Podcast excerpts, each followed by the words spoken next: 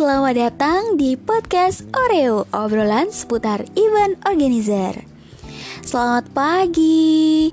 Eh, udah siang ya? Apa udah sore? Heh.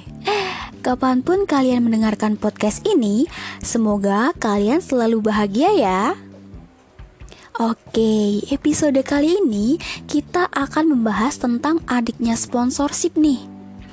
Hmm, bentar-bentar. What? Adik? Maksudnya gimana sih kak? Ya kemarin kan kita udah bahas tuh tentang sponsorship Nah sekarang kita akan membahas tentang media partner Ya mirip-mirip dikit lah ya sama sponsorship hmm, Kira-kira apa yang kalian ketahui tentang media partner? Uh, aku bisa jawab nih kak Media partner adalah sebuah media yang biasanya membantu mempromosikan event kita, Kak. Yaps, betul sekali. Media partner adalah salah satu bentuk kerjasama yang terjalin antara penyelenggara event dengan media seperti radio, media online, media cetak, atau bahkan televisi. Media partner termasuk ke dalam jenis sponsor substitusi loh, karena pertukaran kerjasamanya tanpa ada aliran dana masuk ke panitia. Bekerja sama dengan media partner dapat meningkatkan kredibilitas kegiatan yang kalian selenggarakan, sehingga akan banyak halayak yang tertarik untuk mengikuti event kalian. Lalu, apa saja ya keuntungan dari media partner lainnya? Yuk simak penjelasan berikut ini. Check it out! Pertama, menghemat biaya publikasi. Beberapa media partner bahkan menyediakan layanan iklan secara gratis. Jadi, kalian tidak perlu repot untuk memikirkan biaya iklan tersebut. Biasanya, untuk media partner yang menyediakan layanan gratis, mereka hanya meminta kalian untuk mengikuti sosial media media partner tersebut. Misalnya, Instagram, Twitter, Facebook, YouTube, dan sebagainya. Kedua, menambah peluang untuk mendapatkan sponsor.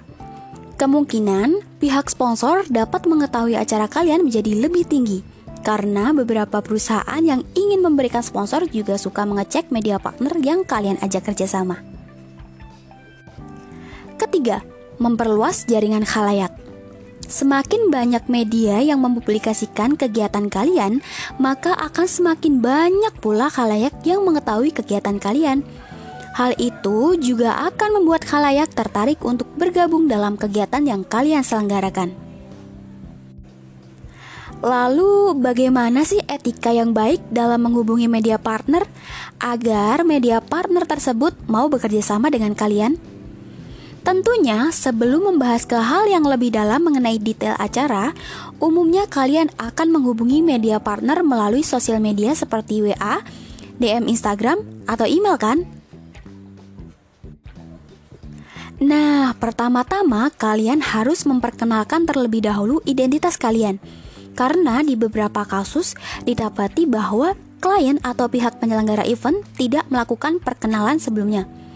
Jika kalian telah memperkenalkan diri, maka hal itu akan mempermudah proses komunikasi selanjutnya. Kalian juga harus menjelaskan tujuan menghubungi media partner tersebut.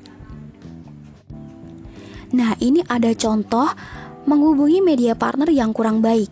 Misalnya, ketika kalian chat media partner lewat WhatsApp, kalian awali pesan dengan PPP. Kak, saya mau kerjasama media partner dengan kakak. Caranya gimana ya kak? Hmm, ini chat ngajak kerjasama apa ngajak perang ya? Jadi, tolong perhatikan etika dalam mengirim pesan ya teman-teman Biar sama-sama enak gitu loh ke depannya Nah, setelah perkenalan, baru deh kalian bisa lanjutkan untuk menjelaskan detail kegiatan kalian. Usahakan dalam satu pesan sudah mencakup semua informasi penting seperti nama kegiatan, tanggal, tempat pelaksanaan, tujuan acara, dan sebagainya. Kalian juga bisa menyusun semua itu dalam sebuah proposal media partner. Dengan demikian, pihak yang akan kalian ajak kerjasama dapat mengerti kegiatan apa yang akan kalian lakukan. Kemudian, Jelaskan kontra prestasi kerjasama dengan media partner.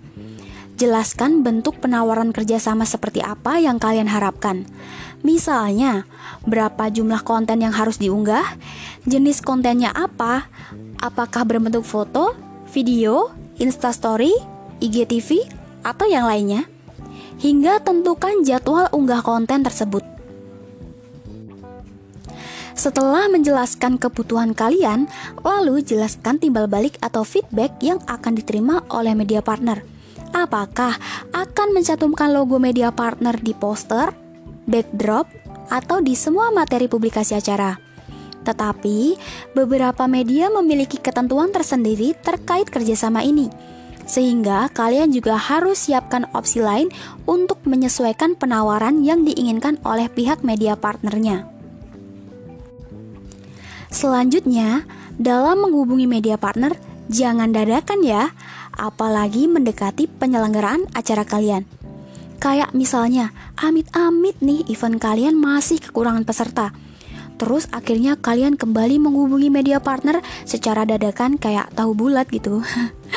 Aduh, pasti hal itu akan membuat media partner berpikir dua kali karena di waktu-waktu tersebut mereka sudah mempunyai jadwal posting sosial media lainnya.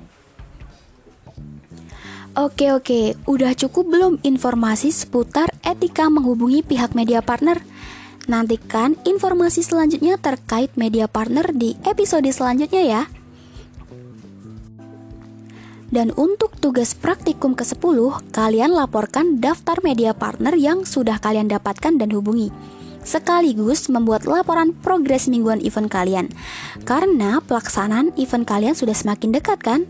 Tetap semangat kalian. See you.